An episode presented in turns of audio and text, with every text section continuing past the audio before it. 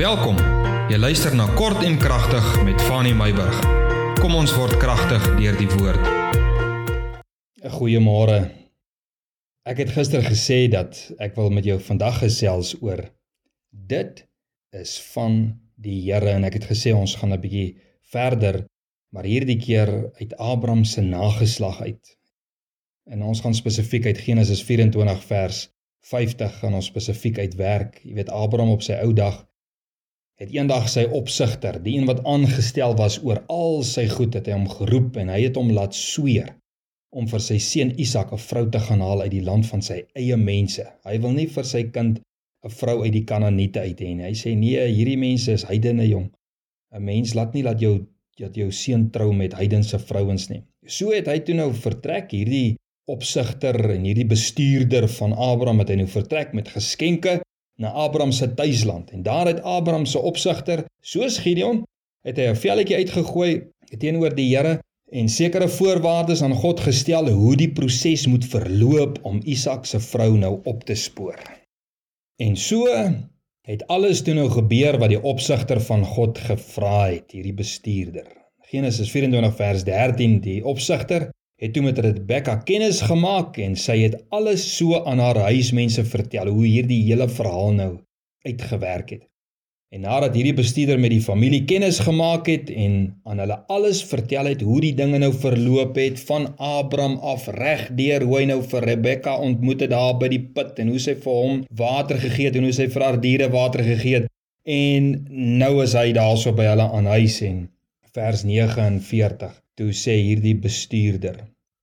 Hy sê as jy guns het laat my gaan met Rebekka of so nie laat ek links of regs gaan en verder vir Isak dan 'n vrou gaan soek.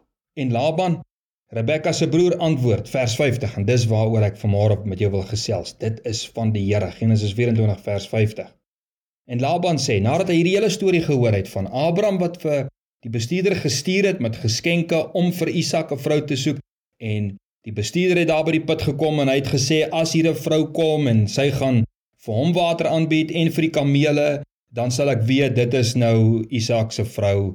En toe Laban hierdie hele verhaal gehoor het toe sê hy in vers 50 hy sê van die Here kom hierdie saak. Ons kan jou daar geen kwaad of goed van spreek nie. Die engel sê vir my mooi die engel sê we have no choice in this matter because this is coming from God. We have no choice in this matter.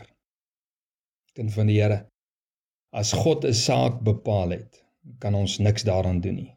En moet ons ook nie daaraan karring nie. Dis my gedagte. Jy weet die Bybel sê ons het een lewe en dan sterwe ons. Dis 'n bepaling We have no choice in this matter. God het jou tree bepaal. We have no choice in this matter. Jou ouderdom het God bepaal.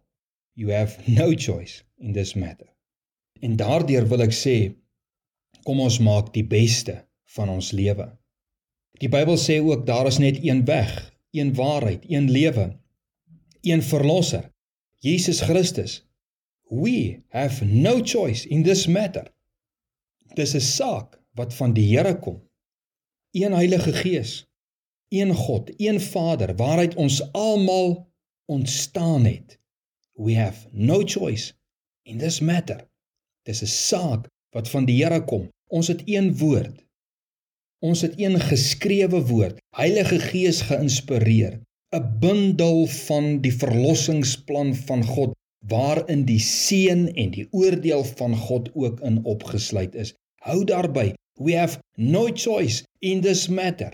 Dis 'n saak wat van die Here afkom. Die huweliksverbond tussen man en vrou en die reinheid daarvan.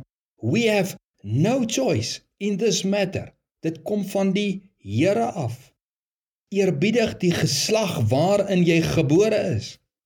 Daar is 'n ewel in ons wêreld vandag, kinders wat nog nie eens mooi die begrip van die lewe verstaan nie, kan besluit of hulle seun of dogter wil wees. Hartseer. Die Bybel sê dat hy het ons geskep, man en vrou, met ander woorde dan seun en dogter. Kom ons eerbiedig die geslag waarin ons gebore is want hierdie saak kom van die Here af. We have no choice in this matter. Ouerskap, eerlikheid, ons kan alles byvoeg. Ons kan 'n lang lys maak en ons kan van almal sê van die Here kom hierdie saak. We have no choice in this matter. God se besluit, kind van die Here, ons moet mooi dink oor hierdie ding. God se besluit hou ons en ons nageslagte veilig en rein. Ons moet in die sake waaroor ek nou wat ek nou van gepraat het, moet ons ook kan sê soos Laban van die Here kom hierdie ding. Ons kan hiervan geen goed of geen kwaad spreek nie. Hoekom? Because we have no choice in these matters. God het dit bepaal en ons gaan nie torring en karring aan God se volmaakte plan wat hy daar gestel het nie. Om dit te doen probeer ons God manipuleer. Om dit te doen probeer ons God se weë verander om te pas by ons weë. God se gedagtes probeer verander sodat God by ons gedagtegang kan inval. Kind van die Here, hoe kan ons dink dat ons groter as die Here is? Hoe kan enige iemand dink om homself of haarself te verhoog bo die Skepper wat ons geskep het? staan ons dan nie of probeer ons dan nie staan in die voete van die Satan wat homself verhoog het en gesê het ek wil myself gelykstel aan die skepper van hemel en aarde. Ek wil myself gelykstel aan die een wat my geskep het wat sy asem in my neusgate ingeblaas het nie. Ons kan nie daar gaan nie. Ons kan net sê soos wat Laban gesê het van die Here kom hierdie saak. We have no choice in this matter. Seën en vrede tot ons môre verder gesels um in Engels natuurlik nê? Ek wil met jou gesels oor the journey of faith